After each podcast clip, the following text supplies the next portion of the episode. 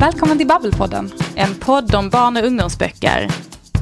Med två författare, Emma Andersson och Charlotte Cederlund.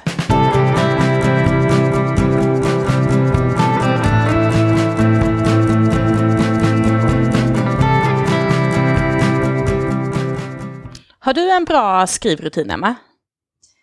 Ja, vet inte riktigt. Alltså det, det, det är svårt att ha en vettig skrivrutin när, eh, när man jobbar, känner jag. Mm. Eller, eller det är kanske bara en dålig ursäkt i och för sig, men, men, eh, men jag tycker det är Ja, jag tycker det är svårt att få till en, en skrivrutin när jag gör så många saker samtidigt i mitt liv. Det är svårt att få ihop liksom. Det är som att skrivandet blir liksom det man skjuter in eh, med liksom eh, skon, eller vad man säger, liksom i, där det får plats lite så. Själv då, du är ju heltidsförfattare nu. Så har du liksom eh, nu etablerat din eh, vinnande strategi här nu för skrivandet? Nej, och grejen är den att jag har ju skrivit när jag har jobbat heltid, skrivit när jag har jobbat 80 procent, skrivit när jag har jobbat 50 procent och nu skriver jag på heltid. Eller ja, skriver, jag är författare på heltid. Och det spelar ingen roll hur mycket jag har gjort vid sidan om.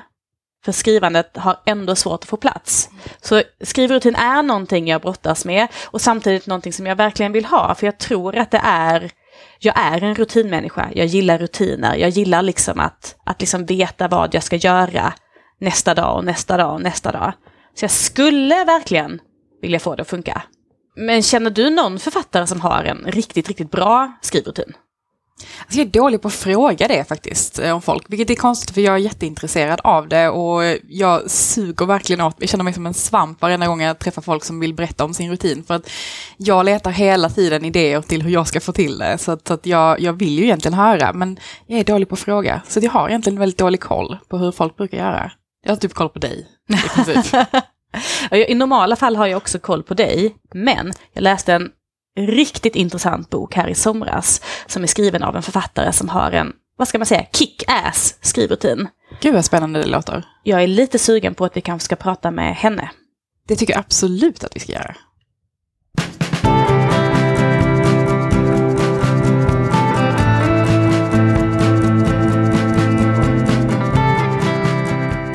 Hon debuterade 2014 med boken Minkriket och har sedan dess gett ut 12 böcker för barn och vuxna.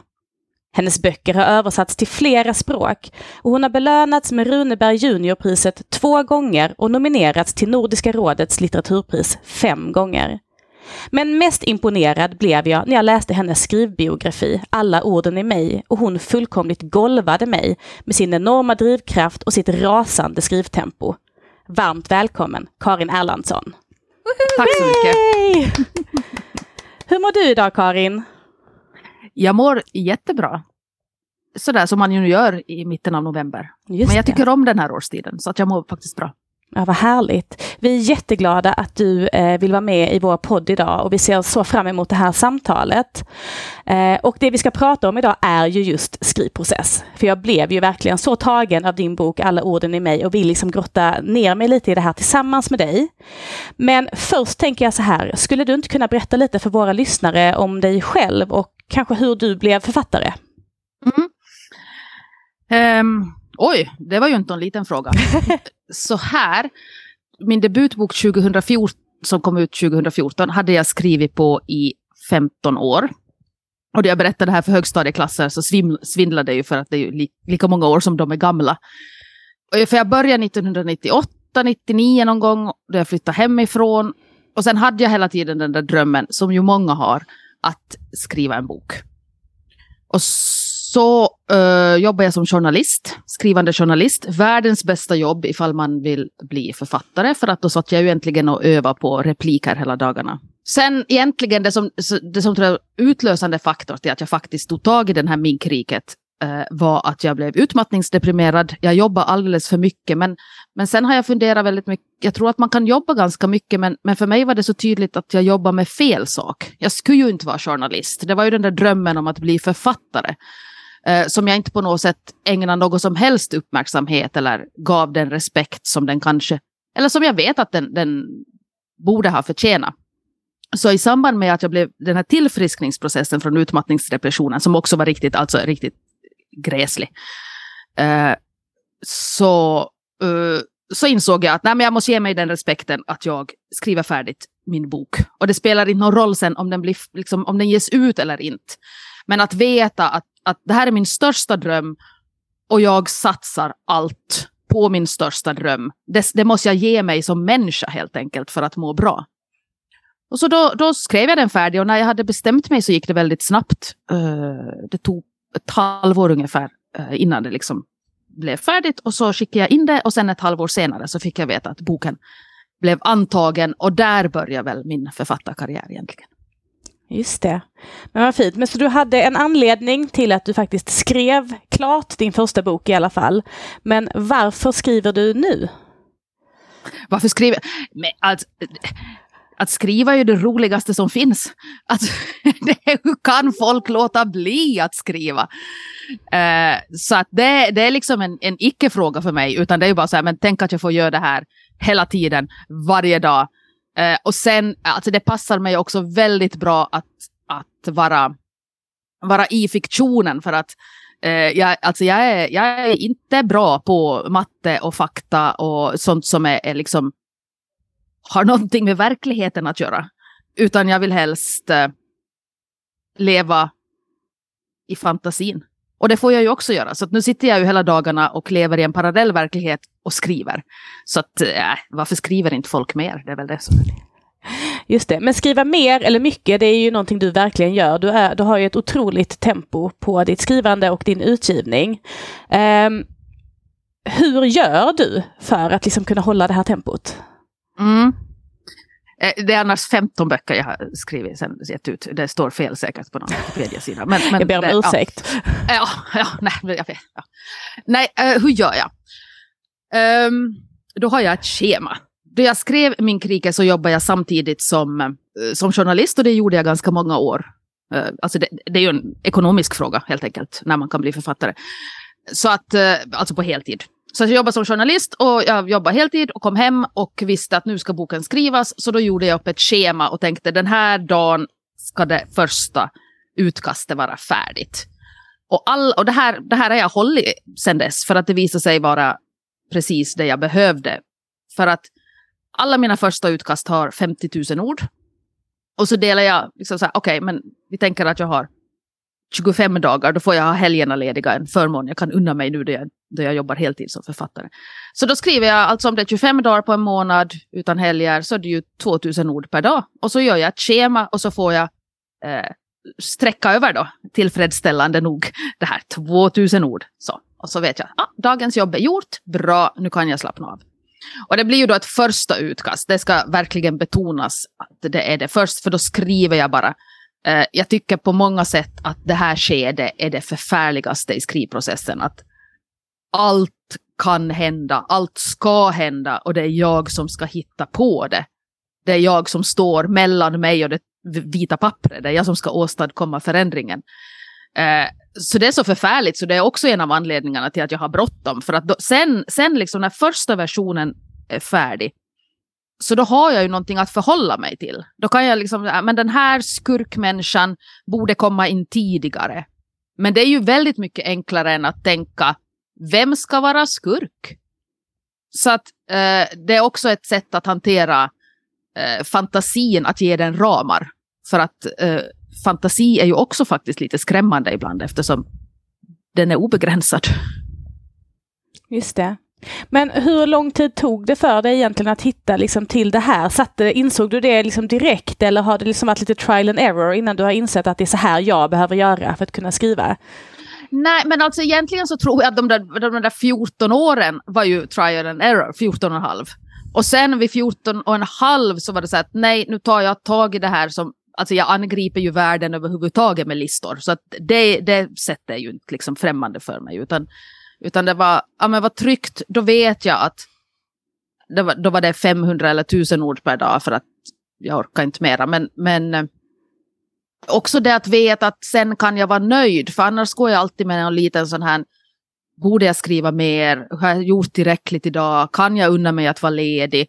Kan jag vara med mina barn? Borde jag skriva istället? Så det är också ett sätt att få bort uh, den där känslan av otillräcklighet att veta, nej jag har gjort dagens uppgift. Följer jag listan så är jag färdig. Det är bara att, det, det är bara att göra det. Uh, så, slipper, så slipper jag liksom, det är, ju, det är ju både och det där, älskar att skriva men också, så slipper jag sen. Uh, märkligt nog. Det är väldigt spännande, alltså, för jag kan känna igen mig jättemycket i den känslan att, att liksom, när, när vet jag att jag har hunnit så mycket som jag borde hinna och, och liksom just det där att aldrig veta riktigt, är jag klar, är jag inte klar? Men har det varit svårt för dig just liksom, alltså brukar det vara svårt för dig att komma upp i de här orden? Eller, liksom, eller är du så inne i det här nu att liksom, det, det kommer? Nej, alltså, liksom det roliga, alltså jag tycker om att, att jämföra skrivande med med att motionera, verkligen. Jag ser så många paralleller.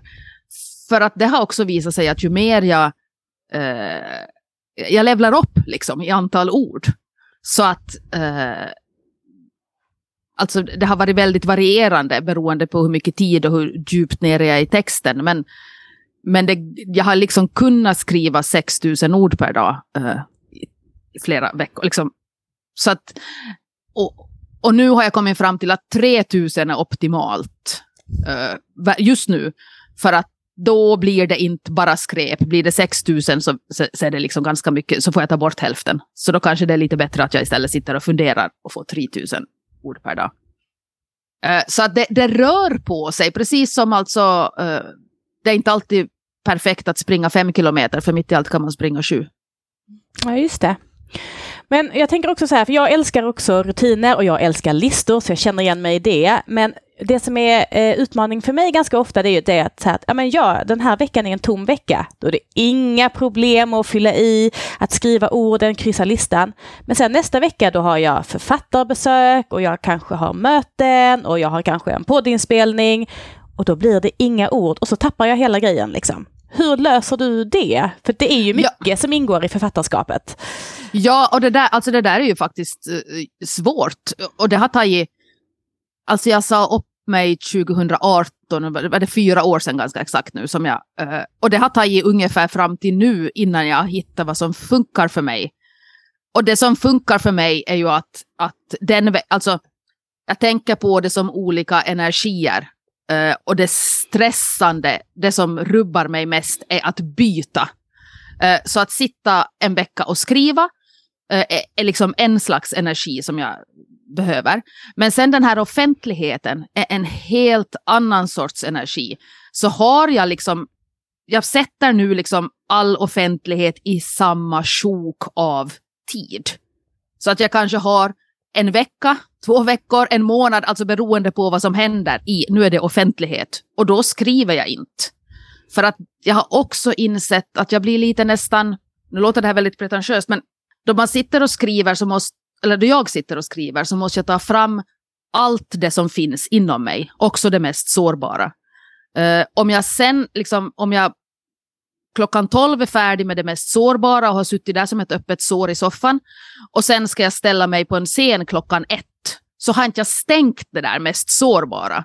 Utan då blir jag liksom väldigt, väldigt utsatt har jag känt och mår väldigt dåligt eh, efteråt och under att bli betraktad. Så att eh, den här offentligheten, att de här sjoken är också ett sätt för mig att, att liksom skydda mig själv. Jag kan inte vara så öppen som jag behöver vara då jag skriver sen då jag ska möta människor.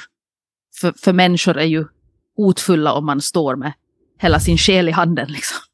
Ja, men verkligen. Eh, och jag förstår verkligen hur du menar. Att det är ju två...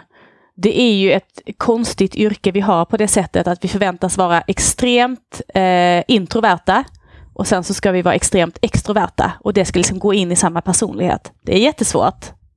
Det är jättesvårt och det, det, är verkligen sådär att ja, men de måste gå en, en vecka dit och en, en vecka dit. Eller, eh, och sen måste jag också ha lite paus i mig. Alltså, jag har börjat vara liksom snällare mot mig själv. Jag pressar inte lika hårt, vilket är ju en förmån, ett privilegium jag kan ha eftersom jag har haft stipendium och, och så här. Men det här är nog mått bra av, tror jag. Just det. Det är också en sak som, som eh, jag är lite nyfiken, för du skriver på heltid nu. Hur länge har du, hur länge har du gjort det? Um, alltså till sist, uh, jag, jag, jag tänkte, alltså, eller snarare så här, då jag började fundera på författaryrken, när ska jag, liksom, rent praktiskt, hur ska det gå till? Så insåg jag att eller jag tror så här, att endera har man ont om pengar eller om tid. Och skulle jag ha sagt upp mig jättetidigt så skulle jag haft ont om pengar. Och det är någonting som man, jag kan styra i mycket mindre grad än min tid. Så jag valde att ha ont om tid. Och, och då jag jobbade parallellt så skrev jag ju på helger och kvällar och inte var det ju optimalt. Alltså, det var ju massor med kalas jag verkligen inte kände att jag hade tid att gå på, det var stressigt, det var, det var värt det. Alltså det var det hela tiden, jag fick ju hela tiden utväg liksom med det. Men för att jag hade inget annat val. Men, men inte det är ju, alltså det är ju tufft. Uh, och sen under den tiden så jobbar jag ju alltså, nu pratar vi pengar här för det tycker jag att man ska göra. Uh, så jobbar jag alltså, jag hade en lön från mitt jobb. Och under de här då fyra första åren så sparar jag alla mina uh, bokinkomster, royaltyn och sånt här. Och tänkte att den dag jag säger upp mig så har jag det här som buffert. Så ifall inte jag får stipendium, ifall allt blir katastrof och jag liksom, så har jag ett halvår eh, sparpengar. Eh, så behöver jag inte stressa över pengar för att jag, jag tror fortfarande att pengar skulle förstöra skrivande mer än ont om tid för mig. Det var liksom den, eh, det valet jag gjorde helt enkelt.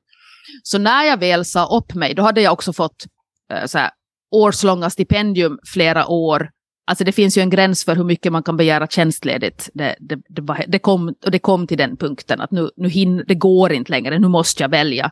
För, för också min arbetsgivares skull på något sätt. Så då slutar jag, men, men jag har fortfarande den där bufferten. Så att händer någonting, får jag inget stipendium, blir det katastrof, så, så har jag pengar att överleva med. Eh, så att det, var, det var helt enkelt en ekonomisk plan jag sa upp Eh, liksom gjorde upp innan jag sa upp mig. Just det. Ja, vad klokt av dig. Jag tänker så, är det, är det likadant för dig? Det tänker jag att det är. Här i Sverige är det ju, det är liksom, man behöver vara ut, som barnboksförfattare så behöver man ut i skolan och träffa elever. Det tjänar man pengar på. Och sen så har vi också de här stipendierna och de är väl, om jag faktiskt har förstått det rätt, så är de ju sämre de här stipendierna i Sverige än vad de är i Finland. Därför det som kallas ett ettårigt stipendie i Sverige är ju absolut inte någonting som någon kan leva ett år på. Hur är det för, för dig? Ja, alltså framförallt tror jag att jag som ålänning har väldiga fördelar. För först kan jag söka eh, Finlands stipendium, alltså Finlands liksom det. Sen finns det massor med finlandssvenska fonder, bland annat Svenska kulturfonden som, är, eh, som jag har haft flera år. Och sen kan jag dessutom söka åländska stipendium, för här har vi också en kulturdelegation som delar ut års eller halvårs eh, stipendium. Så jag kan liksom söka från tre olika, eh, ja, eh, så att jag har det på det sättet väldigt lyxigt. Eh, men sen, alltså, man kan leva på det, alltså jag får ungefär, de här stipendierna är 1600 euro i månaden ungefär, alltså vad blir det, 16 000 kronor mm. ungefär. Mm. Och det, det, kan jag leva på, ja, nätt och jämnt. Uh, jag önskar jag skulle gift mig rikt, men det gjorde jag inte. så, att, så att det går att leva på det. Uh, men jag behöver ju definitivt göra de här skolbesöken, så är det ju inte, inte det så att jag, jag kan... Uh, ja, just det. Nej, inte ens med, med din produktivitet. För att din produktivitet är ju som sagt, den är ju så stor så att inte ens Wikipedia hänger med, det har jag ju lärt mig nu. så nu får du hjälpa mig att räkna. Jag har fått det till att du har skrivit fem barnböcker, stämmer det? Jag räknar upp nu, alltså det, det är Pärlfiskaren, Fågeltämjaren, Bergsklättraren, eh, Segraren, sen Myter och fakta om pärlornas ursprung som är faktaboken om det här. Eh, sen är det Nattexpressen, och sen är det faktiskt en bilderbok som Ålands Handikappförbund har gett ut som heter Pussel. Så det var sju. Så där, ja, miss igen. Okej, okay, sju barnböcker och hur många böcker för vuxna då? Åtta. Uh, nu ska vi se då. Jag ska se om jag ser. Uh, Minkriket, uh, Missdåd, Pojken, Hela himlen stormar, essäsamling Alla orden i mig, essäsamling och eh, Visst blir det så? Fattas någon nu? Eh, oavsett, det är många... Nej, men stickboken, det är stickboken, det är stickboken jag har det glömt. stickboken. Ja. Det blå garnet, yes. Just det. Mm, den kom ut för någon månad sedan, så det, det var det. Jag är förlåten. Det är ingen fara. Det är ju väldigt många böcker och jag blir lite så här uh, nyfiken på, för du har ju skrivit nästan lika många böcker för barn som du har skrivit för vuxna. Skiljer sig din, din skrivrutin åt beroende på vilken liksom, målgrupp du skriver för? Nej, inte alls skrivrutinen. Eh, och sen faktiskt också, jag vet inte heller vad, vad som är, alltså det här är ju, det är ju många, alltså vad är skillnaden? Och jag vet, alltså jag vet uppriktigt inte vad som är skillnaden att skriva för barn och vuxna. Det är klart att det finns en skillnad, men jag kan inte komma åt den i mitt, mitt sätt att angripa det. Alltså, jag, jag skriver liksom den berättelse som behöver Ja, oh, nej. nej, men rutinerna, ingen skillnad. Ja, just det. Och så om du får en idé, är det så att du börjar jobba och sen ser du vad det blir, eller hur, hur funkar det? Nej, den är, den är liksom underbar. Det är som att suga på en karamell alltså. Jag, jag, det, alltså att få en idé och så går jag faktiskt, alltså ibland är det tre år, ibland är det en månad. Det är liksom bara bär den här idén inom mig och känner att ah, men det här, det här, åh, oh, så kan jag ta den där personen och vad, vad skulle den där kunna heta? Alltså i tanken så förefaller ju allt väldigt lätt. Uh, så att, att liksom fundera och leva med den här idén är någonting som jag nästan unnar mig Eh, länge. Och sen är det en del idéer som aldrig kommer på pränt. Som, som jag glömmer helt enkelt, som inte blir. Men sen är det andra idéer som finns kvar och, och sen liksom den dag jag sätter mig ner och öppnar dokumentet sådär och har kanske till och med förhoppningsvis ett arbetsnamn vid det skedet då, då står liksom karamellen slut. För då blir det ju bara jättejobbigt och då måste då kommer jag att märka allt som, som inte jag har funderat ut och då kommer jag liksom säga att nej men oj, oj, oj, oj, den här människan funkar ju inte och vilken miljö ska det vara och sådär. Så att eh, det här idégrundande är, är ljuvligt. Och sen gör jag schema. Då jag bestämmer mig, liksom, okej okay, nu gör, försöker jag skriva den här boken och då gör jag ett schema. Just det, och då stämmer du av det schemat mot din, din kalender så att du har dina luckor. Är, mm. är det någonting annat du behöver för att liksom kunna få det här fina härliga flowet och, och alltihopa? Behöver du liksom ha yttre attribut som ska det är härlig stämning, tända ljus, ditt favoritte. Vissa författare pratar ju om sådana saker. Nej, alltså jag har försökt medvetet att inte ha, för att jag tycker egentligen att allt sånt sen kan användas som ursäkt för att inte skriva. Åh nej, nu hade jag inte favorit-te. Okej, okay, då, då, då, kan, då förstår ju alla att då kan jag inte skriva. Alltså, det tycker jag är lite sådär pallar, säger man på Åland, alltså fånerier. Eh, utan då är det bara liksom till man up och skriva utan favorit-te då, för att det är liksom ditt jobb och det du ska göra. Och använd inte te som en ursäkt. Eh, men alltså Minkriket, som ju, det var liksom min första bok som, som var så skör på något sätt, att förmår jag ens min största dröm. Den satt jag sen och skrev eh, hela tiden med en jättestor, alltså mamma hade stickat en, en vit så här, yllemössa och så hade den en tofs av en Nykarleby-räv på sig, alltså en, en, en räv från min hemstad. Eh, en sån tofs. Och den satte jag på, liksom. jag satt mig vid köksbordet och så satte jag mössan på huvudet och så okej, okay, i, den, i den här Eh, Eh, mössan tänker jag bara minktankar. Så att hela boken liksom är skriven med den här mössan på huvudet. För att det var på något sätt ett sätt som... Och sen, sen var det en präst som, som då han fick höra talas om det här, och, och präster är ju mycket för ritualer och sånt. Så, så han var så här, ja ah, men det här är ju liksom ett, ett, ett ceremoni, en ritual du måste ha. Det är helt begripligt. Att då liksom blev det nu... Eh, men det var minkboken och sen har jag verkligen försökt eh, att inte vara beroende av liksom, omständigheter, eh, miljö så, utan, utan skriva bara för att det måste skrivas. Just det. Jag förstår. Men det, jag hade i och för sig tyckt att det hade varit roligt om du hade haft 15 olika mössor nu som du hade haft i olika ja, skrivprojekt. Ja, skulle det ha varit. ja, men det som jag faktiskt har, uh, det är alltså en låtlista på Spotify för varje bok.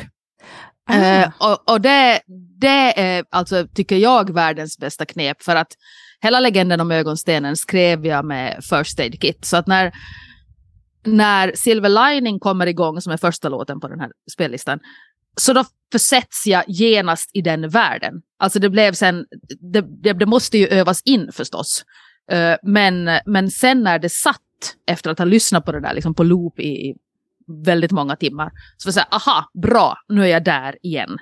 Uh, så, så, alla, alla mina uh, böcker har en låtlista och de böcker som har varit svåra eller är svåra så hittar jag inte heller soundtracket till. Alltså på något sätt så finns det en känsla i musiken som jag känner igen och kan tänka det här är samma känsla som jag vill ha i boken.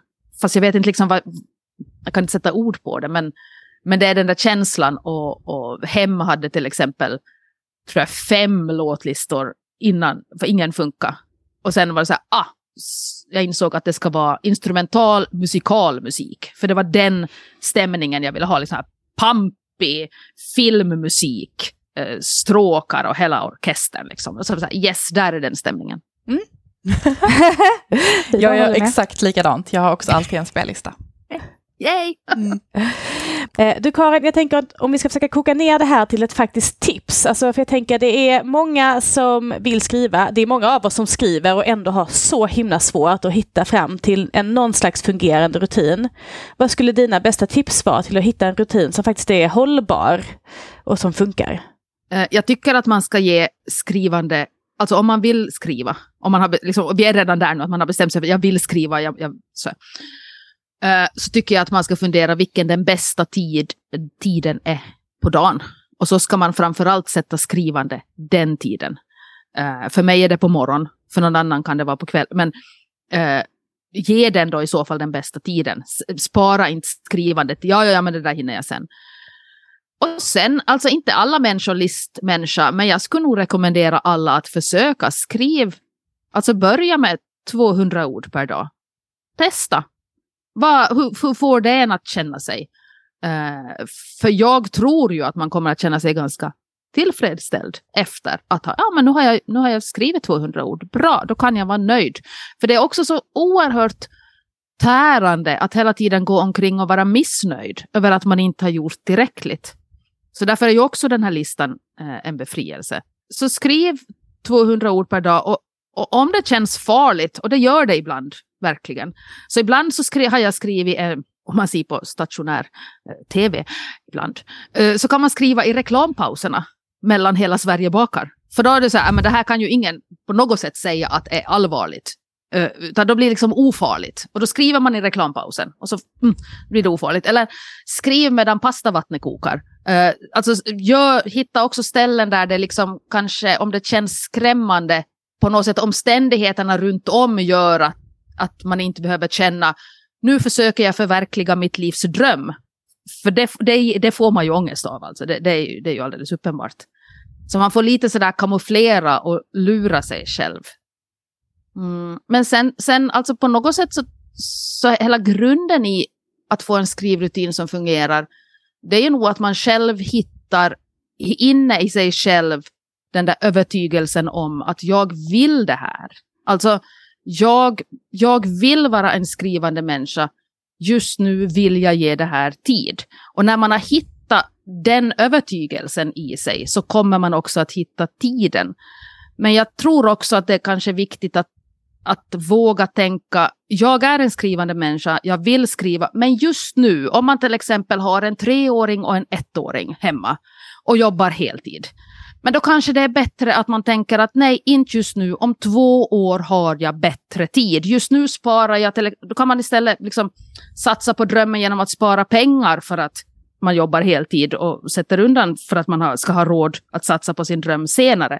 Så man, man kan ju också göra sådana vissa om, liksom flytta runt.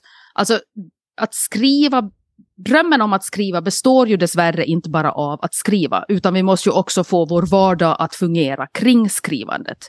Och har man inte kapacitet att skriva av olika anledningar kan man ju istället fundera vilka förändringar kan jag göra i mitt liv?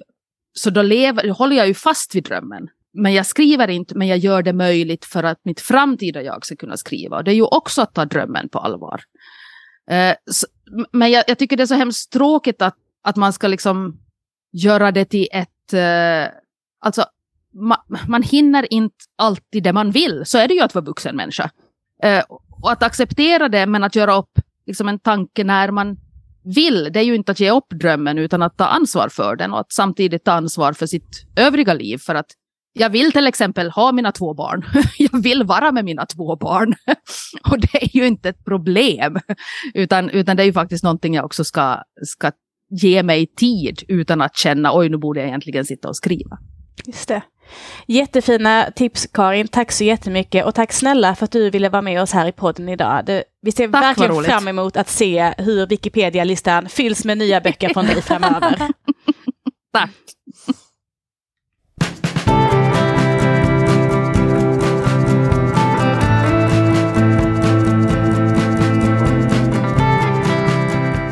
Jag känner mig jätteinspirerad nu. Ja, jag också. Ja, alltså, ja men verkligen. Jag, jag kände att eh, 200 ord, det kanske är min grej nu. Att jag ska köra det eh, varje dag. Super, superspännande. Eh, och, och jag tror verkligen att det är nyckeln på många sätt. Att liksom ja, men få, in, få in den här dagliga, dagliga liksom, rutinen. Och jag gillade också att hon liknade vid motion. Vilket jag också har svårt att få in i mitt liv. Men, eh, men eftersom jag tänker att, liksom, ja men eh, precis, börja försiktigt och trappa upp. Jag tror Men- det är nyckeln faktiskt. Ja, men jag tror också det är nyckeln och det var verkligen så jag fick till min träningsrutin av alla saker som jag aldrig har varit bra på. Men efter mina graviditeter så började jag verkligen med alltså, två, två pass i veckan där en powerwalk räknades. Och sen har jag liksom gjort det nu i fyra år och nu kan jag träna tre, fyra gånger i veckan. Mm. Så liksom börja litet. Men jag har aldrig gjort den kopplingen till mitt skrivande förut. Nej, alltså jag hade, jag hade en, eh, en killkompis när jag pluggade litteraturvetenskap som gjorde den liknelsen då. Eh, och då blev jag superprovocerad. men, men nu känner jag med vi, ålderns visdom och sådär att, att det kanske ändå ligger någonting i det faktiskt. Ja, man skulle egentligen vilja grotta ner sig ännu mer i det här med skrivrutin och framför allt de handfasta tips som kanske finns där ute. Jag behöver tips, det låter kanske konstigt. Jag har skrivit 12 böcker. Jag behöver fortfarande hjälp med min skrivrutin. Ja, ja, alltså livet förändras ju hela tiden och det är alltid, alltid någonting som gör att det är knepigt att få ihop. Och ibland är det ju bara boken i sig. Eh, olika böcker kräver ju ibland olika rutiner. Så känner i alla fall jag. Men det måste vara så att det finns en rutin som går att anpassa till både till livet och till den typen av bok man skriver. Ja, men det tror jag, det tror jag verkligen att det finns. Eller att i alla fall man kan plocka till på sig de tips som funkar. Liksom. Är det inte du som har en kompis som, är, som har skrivit en bok om det här? Jo, men det har jag. Den boken är jättebra. Ska vi inte prata med henne då? Det gör vi.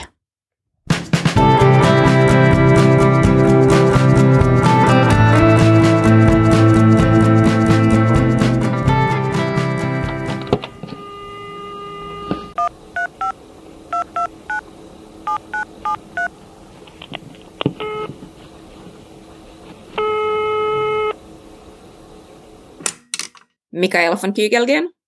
Hej Mikaela, Eh, det här är Emma på Babbelpodden. Hur mår du idag? Jag mår bra, tack. Välkommen till oss, vad roligt att du ville vara med och prata med oss idag. Tack, det är jättekul. Eh, vi har idag pratat med Karin Erlandsson eh, om främst hennes skrivrutin och process. Och du är ju både journalist och författare och kom nyligen ut med boken eh, Kickstarta ditt skrivande och hitta din skrivrutin. Där du bland annat har intervjuat Karin. Och skulle du kunna berätta lite mer om din bok?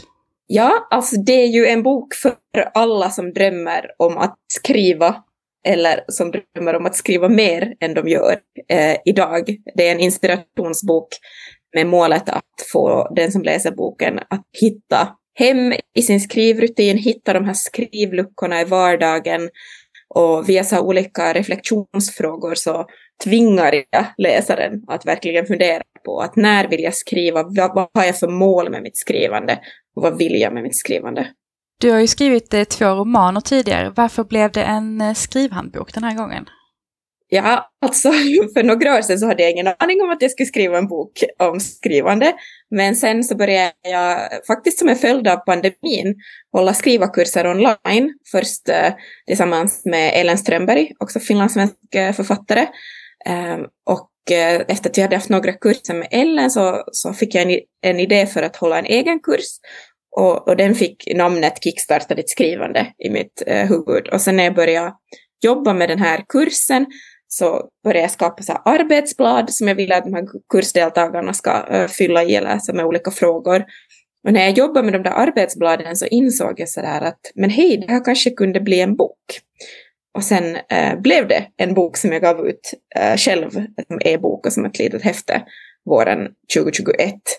Ehm, och sen hade jag tänkt att ja, men kanske någon gång om 10-15 15, 20 år när jag är etablerad författare så kanske det finns något riktigt förlag som ger ut den här boken.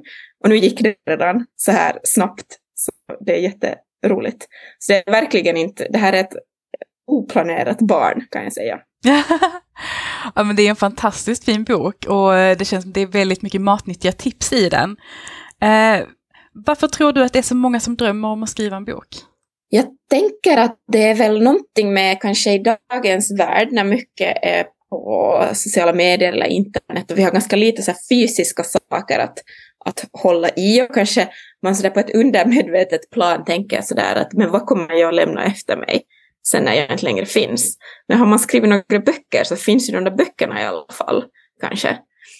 Sen tror jag också att det bara är, alltså det är ju jätteroligt att, att skriva, men sen tror jag att många som drömmer om att skriva en bok så är kanske mer sådär i, i den där att jag vill ha skrivit en bok snarare än jag vill skriva en bok och jag vill lägga i det där arbetet eh, för att skriva den här boken. Så att ja, det har kanske också bara blivit en boom, lite som paddel. Liksom. ja, men jag tror ändå det kan ligga någonting i, i det du säger, just det här att det, att det är många som vill kanske kunna ha sagt att de har skrivit en bok. Det, det kan jag tänka mig att det är, ja, det är lite så skryt, skrytfaktor kanske. Men vad skulle du säga skiljer den här skrivhandboken mot de som redan finns ute på marknaden? Jag tycker det finns ju väldigt mycket böcker om just att, att skriva och liksom skriv, skrivprocess och sådär. Vad, vad gör att din bok sticker ut? Eh, jag funderar väldigt mycket på det där, för att första tanken är ju sådär att vad behöver vi verkligen en bok till om, om skrivande? Men jag tycker så här att böcker om skrivande kan egentligen delas in i två olika kategorier. Eh, den eh, första kategorin är så här eh, så här gör jag-böcker, till exempel då Karin Erlandsson som ni har pratat med idag, så, så hon har ju skrivit en bok som heter Alla orden i mig, och handlar om skrivande. Men den handlar ju om hennes skrivande. Klart att jag som läsare kan få någon idé över att ja, men kanske jag också ska skriva på det här viset eller försöka sätta mera mål i mitt skrivande, men det, det är inte så handfast. Eh, och sen den andra typen av uh, skrivböcker tycker jag mer så här um, väldigt konkreta, att så här vet du, gör du bra dialog, eh, skapar du bra och intressanta karaktärer, så här jobbar du med dramaturgi, alltså väldigt så här konkreta i själva det här hantverket. Och, och min bok igen, så jag försöker någonstans där kanske klimma in mig där i mitten av de här olika. Att jag har ju åtta författarintervjuer i, i, i den här boken och där berättar ju de här författarna om sitt skrivande. Men den här är ju verkligen fullspäckad med olika övningar och, och, frågor till den som läser boken för att på något vis hitta till det egna skrivandet. För jag tycker inte att jag kan komma och säga till dig, Emma, att så här ska du skriva. För jag har ju ingen aning om hur du är som människa. Men jag hoppas att de här frågorna ska hjälpa dig att komma underfund med hur du är som skrivande person. Och sen kan det ju också variera från bok till bok och år till år. Men sådär att man ska mer gå in i sin egen skrivprocess istället för att läsa om någon annans.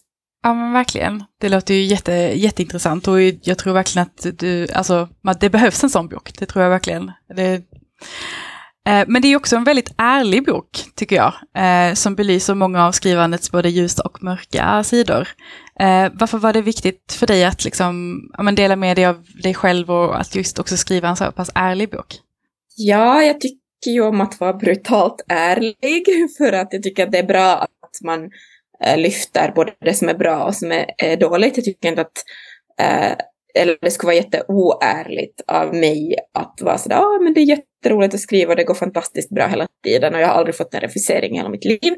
För det är ju lögn. Att jag vill ju visa på att det är stora känslor, ibland är det jätte, jättejobbigt, men det är en del av en skapande och en kreativ process. Och jag tror också att om man verkligen bryr sig om sitt skrivande så då kommer det ju så här höga toppar och djupa dalar. Och att på något vis helt skippa den biten skulle ha känts väldigt konstigt för mig. Och jag är ju väldigt i början fortfarande av min författarkarriär. Så jag känner också att jag, jag har ju som inte nått stor framgång ännu eller något sånt. Så det skulle vara jättekonstigt att låtsas som att allt bara har varit liksom fantastiskt hela tiden. Ja men verkligen och jag tror att det, det, det är som du säger också någonting som ofta glossas över. Lite sådär att man, att man, och då är det lätt att man får kanske uppfattningen att det är så lätt. Eh, ja, men, och jag tänker att det, ja, det är viktigt att ha med sig i beräkningen att det också kommer liksom ups and downs eh, i skrivprocessen. Men du har ju intervjuat flera författare i arbetet med den här boken, eh, bland annat Charlotte och bland annat Karin Erlandsson. Eh, är det något tips eller någon skrivrutin som du kommer att ta med dig in i ditt eget skrivande framöver? Oj, vilken bra fråga. Um, jag tror att det kommer säkert att variera från uh, gång till gång, men eh, det jag blev väldigt inspirerad av var nog intervjun med Maria Turchaninov som ju också är finlandssvensk författare och eh, hennes eh, så här jakt på inspirationskällor eller att hon liksom medvetet går på utställningar, ser teaterpjäser ensam och liksom att, att hon samlar kreativ inspiration. Och den, den biten tror jag jättestarkt på att man ska eh, liksom öppna upp sitt sinne för intryck för annars vad ska vi skriva om? Sen tycker jag också att Karin säger en bra sak i sin intervju om att, att man ska också kunna veta att, att ibland är det ju bra att pusha på och tvingas, tvinga sig själv att skriva så att säga. Men man, också, man ska också veta när det är inte är rätt tid att skriva för då kanske det till och med kan vara en dålig sak att skriva. Jag har till exempel själv haft nu här i några månader som jag knappt har skrivit alls.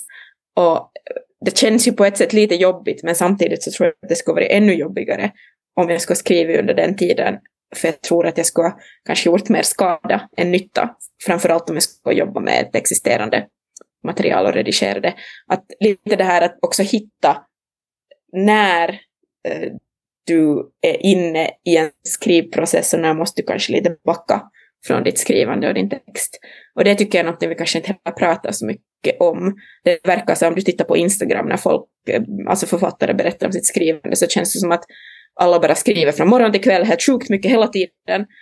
Och eh, jag tänker att någon gång måste vi väl ta paus. Alltså vi måste vara lediga också, även om vi älskar att skriva. För att det är i de här lediga stunderna som vi samlar energi och samlar mod och idéer och, och kraft för att orka skriva igen. Ja, men jag håller helt med. Balansen känns som att det, det är ju jätteviktigt. Och jag är absolut en sån person som kan bli jättestressad av allt som alla andra verkar hinna med och som inte jag får ihop i livet. Eh, ja, men verkligen. Tack så jättemycket Mikaela för att du ville vara med och prata med oss. Jag blev jätteinspirerad av att läsa din bok. Den var fantastisk och jag hoppas att många som är intresserade av att eh, eh, sitt skrivande och eh, skriva den där drömboken, läsa läser den och eh, suger åt sig av all visdom från de författare du har intervjuat. Ja, det hoppas jag ju också. Det sägs ju att var tredje svensk vill skriva en bok, så mitt mål är ju att var tredje svensk ska köpa den här boken. Så ungefär 3,4 miljoner sålda böcker är liksom mitt ödmjuka mål här. Så, nej. Men jag hoppas, alltså, det är ju verkligen min ödmjuka förhoppning att den här boken ska hjälpa andra att hitta i sitt skrivande. Det tror jag den kommer att göra. Tack så jättemycket Mikaela. Tack.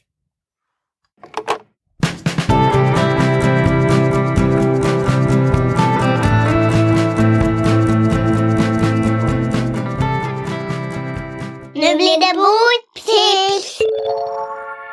Emma, har du läst något bra på sistone? Ja, men det har jag. Jag har läst en bok som heter Manfred blir detektiv. Mm. Det är en bok för åldern 3-6 år som är skriven av Eva Whitebrook och illustrerad av Marcus Gunnar Pettersson. Och den kom ut i augusti i år på Rebena Sjögren. Och det här är en bok som handlar om korpen Manfred. Och Manfred bor ensam i sitt bo ovanpå Sagerska palatset i Stockholm. Och Sagerska palatset är ju statsministerns hem, som kanske vissa vet. Eh, och Manfred har då börjat rannsaka sitt liv. Eh, han är liksom en korp i sina bästa år kan man kanske säga. Eh, och han funderar liksom på så här, vad är han egentligen menar att hitta på med sitt liv. Och hade hans föräldrar varit besvikna på honom om de hade levt idag. Liksom, och så eh, men mitt i dessa funderingar så hör Manfred ett rop på hjälp. Och det visar sig vara en liten måsunge som har tappat bort sina föräldrar. Och Manfred tar liksom motvilligt hand om den här måsungen och eh, eftersom att den inte vet vad den heter så får den namnet Moses.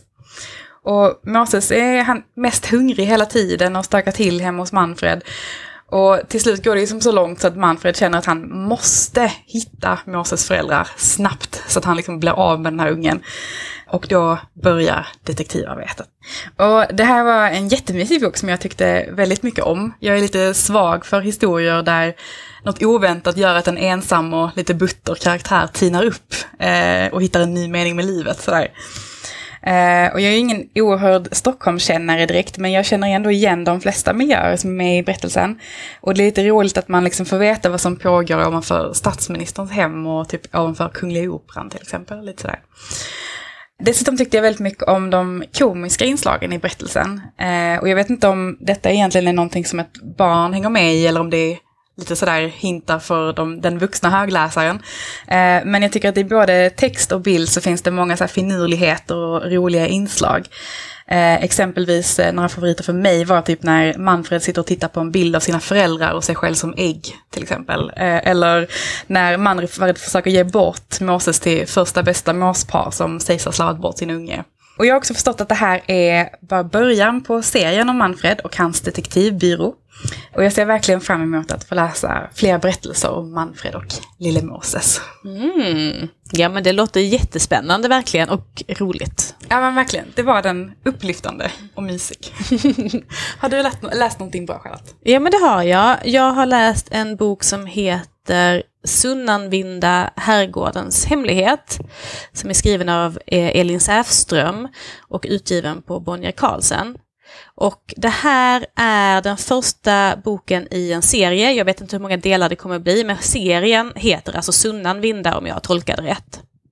Och det är en serie för åldern 9 till 12 år. Och eh, boken handlar om en tjej som heter Miranda. Och Miranda hon är en ganska ensam tjej. Hon förlorade sin mamma för två år sedan och bär väldigt mycket sorg inom sig och hon har en pappa som är väldigt sorgsen. Och det som är hennes stora glädje i livet är att läsa böcker och så är det hennes djur. Hon har en eh, katt som heter Medusa som hon tycker väldigt mycket om. Och så har hon en hamster. Och det är liksom där det börjar. Men ganska snart så börjar det dyka upp eh, sönderslitna djur. Men det är alltså där det börjar. Men ganska snart så börjar det hända grejer. Och det som börjar hända är att det dyker upp sönderslitna djur i det här området där Miranda bor. Och det första hon ser är en katt som har fått sitt huvud avslitet. Och då blir hon ju jätterädd för Medusas skull. Så hon försöker hålla eh, Medusa instängd. Men det går ju såklart inte, utan Medusa smiter ut och försvinner. Och Miranda hon är utom sig av oro och är ute och letar efter, och, efter henne då. Och sen så en dag så ser hon henne. Hon ser Medusa på väg upp till den gamla herrgården Sunnanvinda. Så Miranda följer efter, eh, knackar på och säger att jag tror att min katt har smitit in här. Och det där blir liksom starten på ett magiskt äventyr. För på den här herrgården så finns inte bara Medusa, utan även William som är den nya killen i klassen. Som Miranda har velat bli lite kompis med, men ja, hon har inte varit så bra på det här med kompisar helt enkelt. Men det finns också en massa skadade djur här på herrgården. Och det är inte vilka djur som helst. Utan det är magiska djur som kanske egentligen hör hemma i sagorna. Och det visar sig att det inte bara finns magiska djur, utan att det kanske finns magi. Och det här är, tycker jag, en jättespännande berättelse. Den här har också humoristiska inslag. Jag tycker att det är en av Elin Säfströms stora styrkor. Hur hon kan få in både väldigt, väldigt allvarliga ämnen med väldigt humoristiska toner. Så man blir liksom berörd och skrattar om varandra. Och det tycker jag jätte, jättemycket om. Och jag är jättenyfiken på hur den här serien ska fortsätta. För att vi presenteras lite för ett problem i den här lite magiska världen och jag tänker mig att det här är ett problem som kommer fortsätta byggas upp. Eh, och det enda jag egentligen kan säga om den här boken mer, det är väl att jag tycker att de lurar en lite med baksidestexten. För på baksidestexten så står det egentligen ingenting om de här eh, magiska delarna. Så jag förstod inte att jag lyfte upp en fantasybok. Och jag blev ju såklart då väldigt positivt överraskad när det visade sig att det var det. Så Eh, älskar ni magi, läs den. Eh, älskar ni inte magi, läs den för ni kommer älska magi när ni har läst den. Det låter alldeles underbart och jag blev väldigt spänd på den boken nu. Jag får låna den efter dig. Det, absolut. Ja, men det här var allt för idag och vill ni komma i kontakt med oss så är det bara att mejla eller skicka ett DM eller lämna en kommentar så blir vi jätteglada. Ni får ha det så bra. Hej hej!